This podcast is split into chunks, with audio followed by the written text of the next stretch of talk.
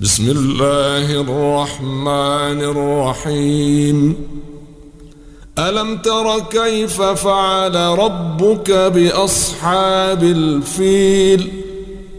ألم يجعل كيدهم في تضليل؟ وأرسل عليهم طيرا أبابيل ترميهم ترميهم بحجارة من سجيل فجعلهم كعصف مأكول.